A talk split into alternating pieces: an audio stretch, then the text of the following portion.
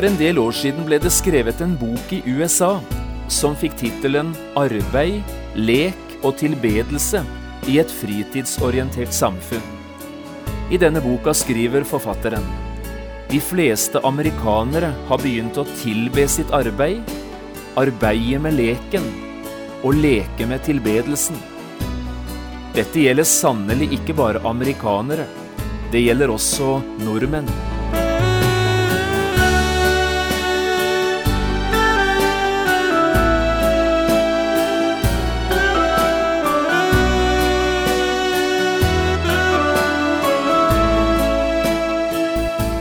Hjertelig velkommen til et nytt program i serien Vindu mot livet.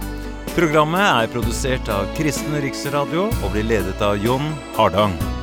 Kristen Riksradio drives av frivillige gaver. Vi er glade for din støtte.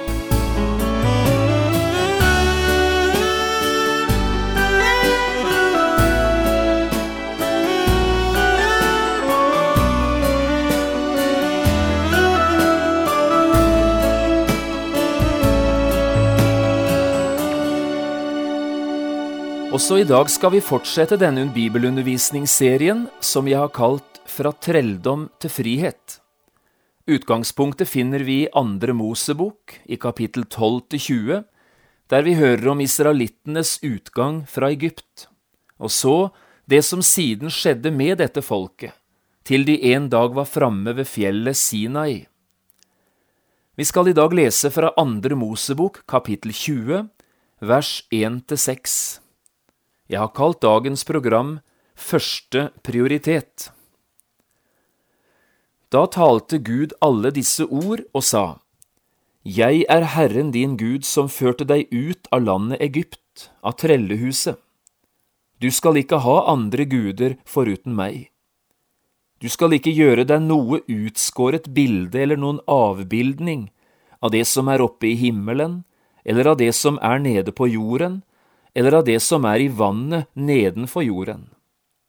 Du skal ikke tilbe dem og ikke tjene dem, for jeg, Herren din Gud, er en nidkjær Gud, som hjemsøker fedres misgjerninger på barn inntil tredje og fjerde ledd, på dem som hater meg, og som viser miskunn i tusen ledd mot dem som elsker meg og holder mine bud.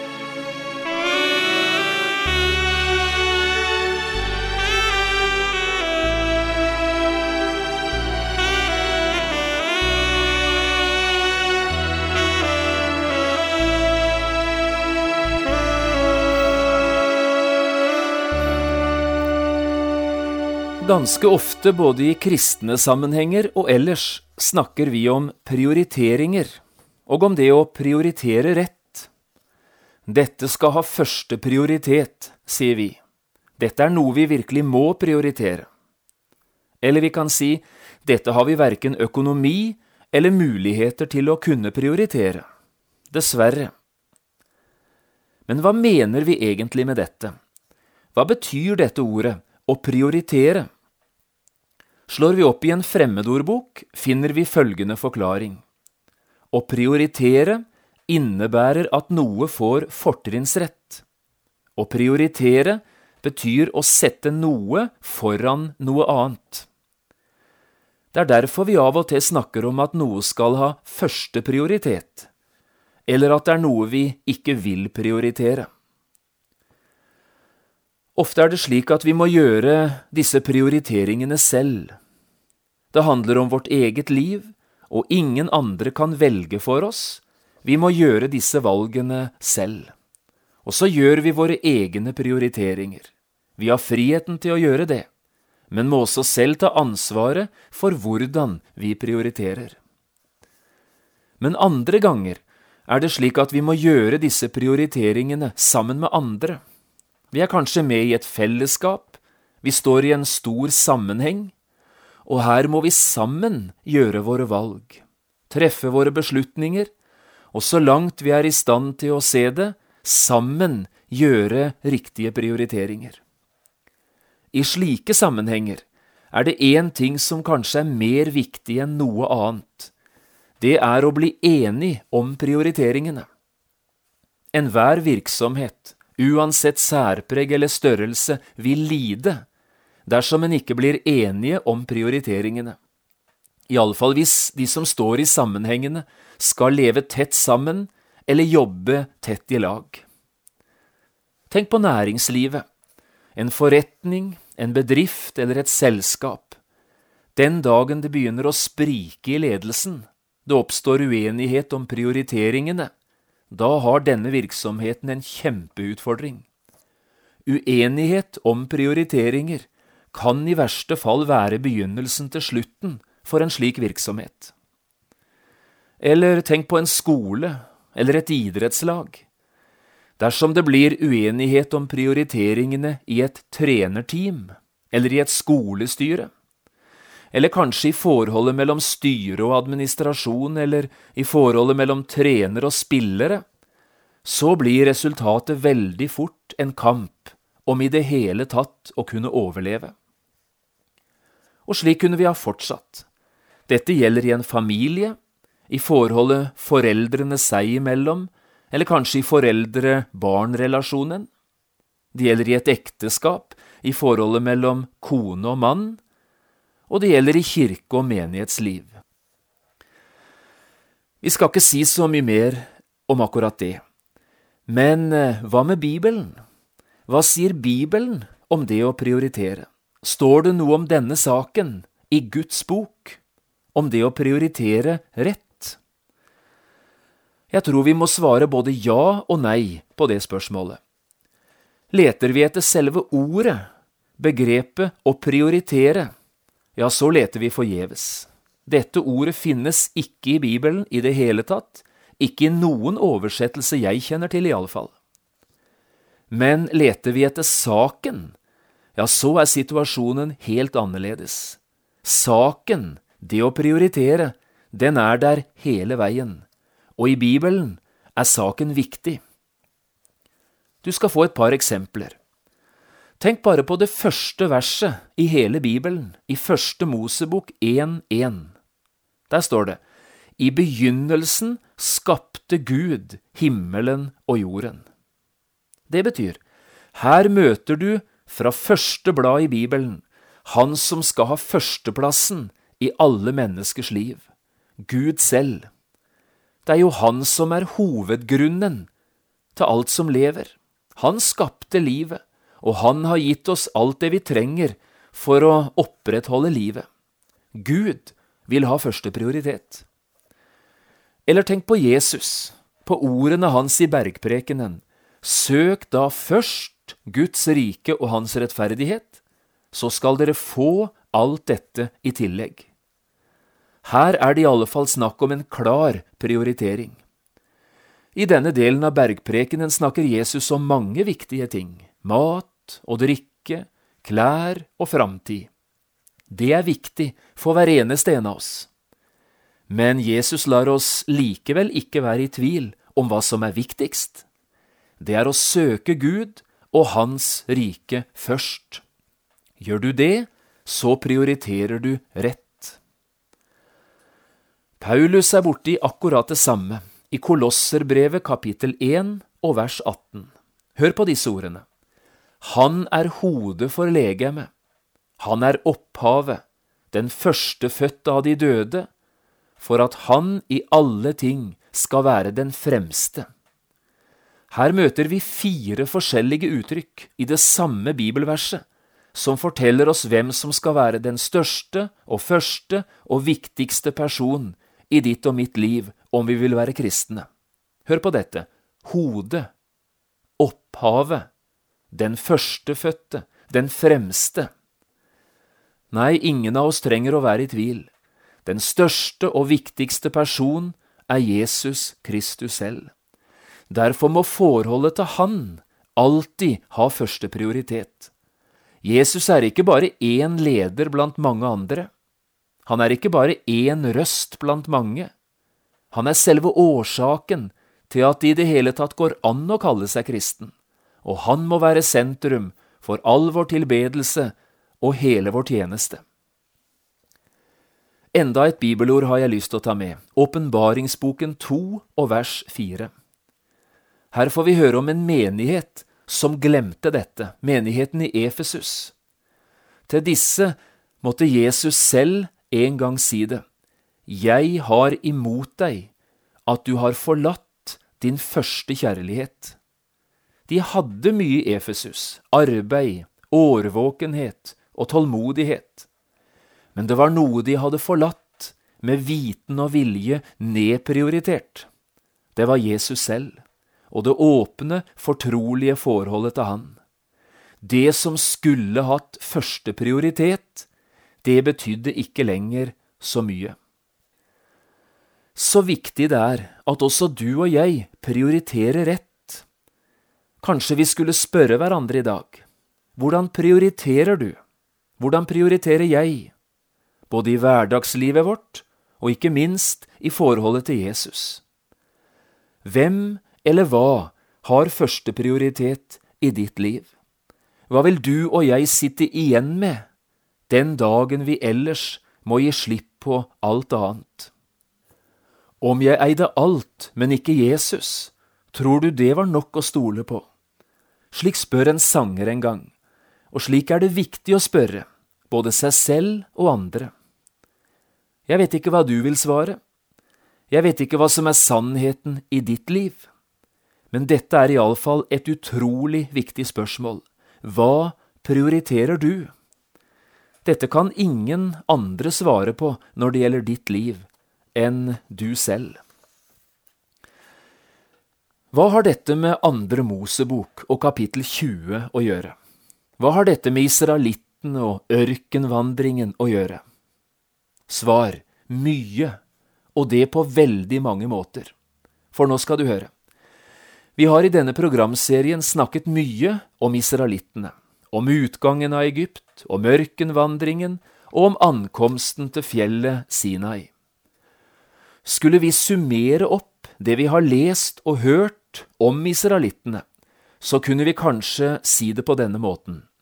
Israel hadde forlatt Egypt, men Egypt hadde ikke forlatt Israel. Hva mener jeg med det? Ja, jeg skal prøve å forklare. Vi befinner oss altså ca. 1450 år før Kristi fødsel. Et folk på mellom to og tre millioner mennesker er som ved et guddommelig under blitt befridd fra trelldommen i Egypt. I 430 år hadde de bodd i dette landet, og de siste 400 årene som slaver. Den eneste som hadde vært utenfor grensene av dette landet, det var Moses. Han var den eneste som hadde sett Sinai-fjellet, og han var den eneste som hadde opplevd en annen virkelighet enn det å være slave i Egypt. Dette tror jeg vi ofte glemmer når vi leser denne historien, hvor egyptiske israelittene egentlig var, både i sinn og skinn, i tale og tanke, i verdier og i prioriteringer. Farao var den eneste kongen de kjente til, og de egyptiske gudene de eneste gudene de så. De var preget av egyptisk livsstil, egyptisk kultur, egyptisk litteratur, egyptisk filosofi, egyptiske verdier, egyptisk arkitektur, egyptisk musikk, egyptisk kunst og egyptisk språk. Det var egyptisk alt i sammen. Dette var hele deres liv og hverdag. Dette var miljøet de var vant til. Andre livsverdier og andre måter å leve på, det kjente de ikke til. Og dette preget dem, selvsagt, ikke bare før de dro ut fra Egypt, men også hele veien fram til Sinai. Derfor klaget de og knurret de når de ikke forsto hva som skjedde. De var som barn som på en måte skulle lære en helt ny verden å kjenne. De hadde ikke noe skrevet ord fra Gud, som du og jeg har. De hadde aldri hatt noen leder eller noen profet i Egypt som talte Guds ord til dem. Skjønner du? Det er dette jeg tenker på når jeg sier israelittene hadde forlatt Egypt, men Egypt hadde ikke forlatt Israel. Men så skjer altså det som vi taler om her. Som lyn fra klar himmel kommer en gammel mann inn på scenen, en som ikke var kjent for noen av dem. Få hadde møtt han tidligere, og de som eventuelt hadde møtt han, ja, de hadde glemt det for mange år siden. 80 år gammel var denne mannen, med hvitt hår og langt, hvitt skjegg. Han hadde begynt å fortelle dem om en brennende tornebusk. Her hadde han hørt Guds egen stemme, fortalte han, som sa, Du skal føre mitt folk ut av Egypt. Og så kjenner vi historien om det som siden skjedde. Ti forferdelige plager som rammet Egypt. Etter den tiende plagen hadde farao nødet Israel om å dra av gårde, og folket hadde begitt seg ut i Sinajørkenen, ut i Guds villmark. Nå var 90 dager gått, i medgang og i motgang. Skystøtten hadde beskyttet dem om dagen mot sol og varme, og ildstøtten hadde vernet dem om natten mot mørke og kulde. Nå sto de her ved foten av Sinai-fjellet, etter å ha blitt ledet i en helt annen retning enn mot Kanan. Gud hadde jo ført dem sørover. Hvorfor? Svaret var dette. Gud førte folket til Sinai for å forberede dem på et nytt liv, et helt annet liv enn det egyptiske, som var det eneste livet de kjente til fra før. Her ved Sinai skulle de lære én stor og viktig ting å ta Gud på alvor, å prioritere Gud, Hans ord, Hans vei og Hans vilje. De skulle lære å sette alt annet til side for virkelig å lære Gud og livet med Han å kjenne. Gjennom de ti bud skulle de lære å leve rett, og gjennom tabernaklet, telthelligdommen i ørkenen, skulle de lære å tilbe rett. De måtte altså lære å prioritere Gud, gi Gud forkjørsrett i alle ting, og de lærte det gjennom et synlig ord og et synlig hus. Det er den første av disse to hovedsakene vi leste om i bibelteksten i dag. Vi leste om de to første av i alt ti bud. Da israelittene hadde kommet trygt fram til Sinai, var noe av det første de ble vitne til, at Moses klatret opp på fjellet, til et sted der ingen andre hadde lov å gå. Og da Moses så kom tilbake, hadde han med seg to tavler av stein, og på disse steintavlene var ti bud risset inn med Guds egen finger. For første gang i historien hadde Gud skrevet ned sitt ord på en sånn måte at alminnelige folk var i stand til å lese det og forstå det. Og her, i disse ti budene, var det sannelig ikke mye gråfarge eller mange gråsoner. Guds ord var krystallklart, skrevet i svart-hvitt, du skal, og du skal ikke. Av og til syns jeg vi nesten får følelsen av, når vi hører enkelte utlegge de ti bud, at det nærmest var ti gode forslag Moses kom ned med fra fjellet. Dette er noe du kan bruke hvis ikke noe annet synes å virke. Det var ikke ti gode forslag Moses kom med, det var ti bud. Andre ganger får vi inntrykk av at det er en slags terapi Gud på denne måten vil gi sitt folk. Her er det noe du bør tenke igjennom, her er noe du bør tenke på å gjøre hvis livet blir for tøft for deg. Men det er jo ikke terapi dette handler om, det er bud og befalinger. Saken er denne, Gud ga Israel de ti bud som veiledning og som hjelp, så de skulle få leve et nytt liv, et helt annet liv enn det egyptiske. Sammen med moralloven som vi ofte kaller de ti bud, ga Gud dem også en sosial lov.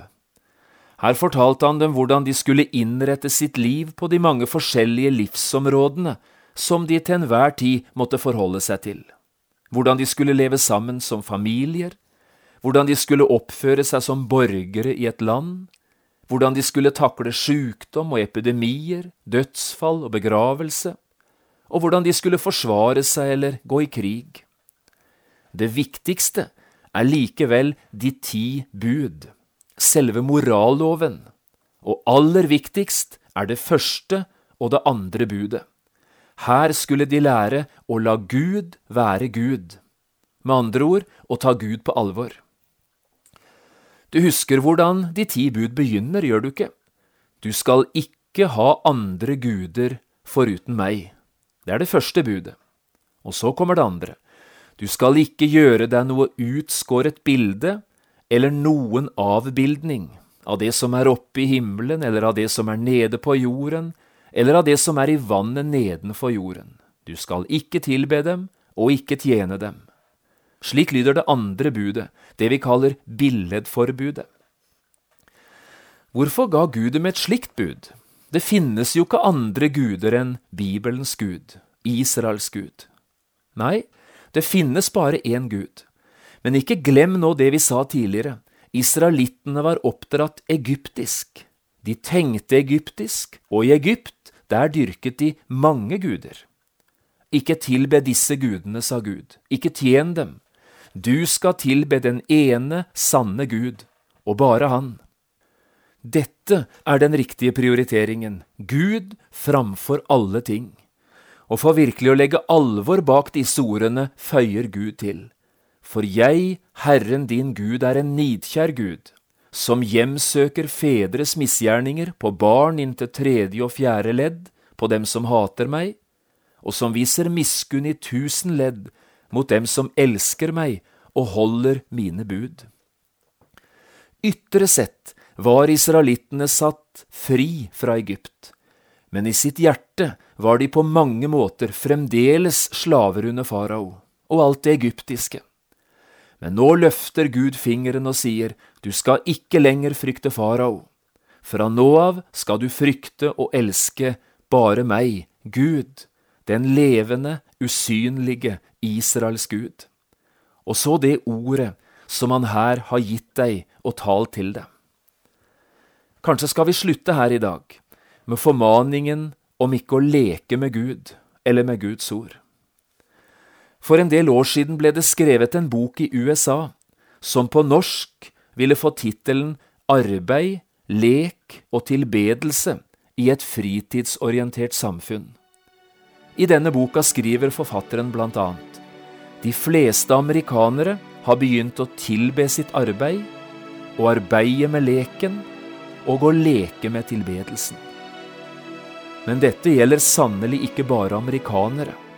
Det gjelder like mye oss her i Norge. Vi tilber vårt arbeid, vi arbeider med leken, og vi leker med tilbedelsen. Et folk som praktiserer dette, har egentlig bare bruk for én eneste ting. De trenger å ta en tur til Sinai.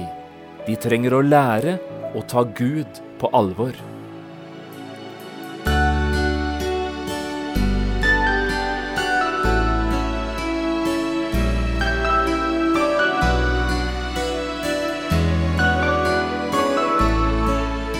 Du har hørt på et program fra serien Vindu mot livet med John Hardang.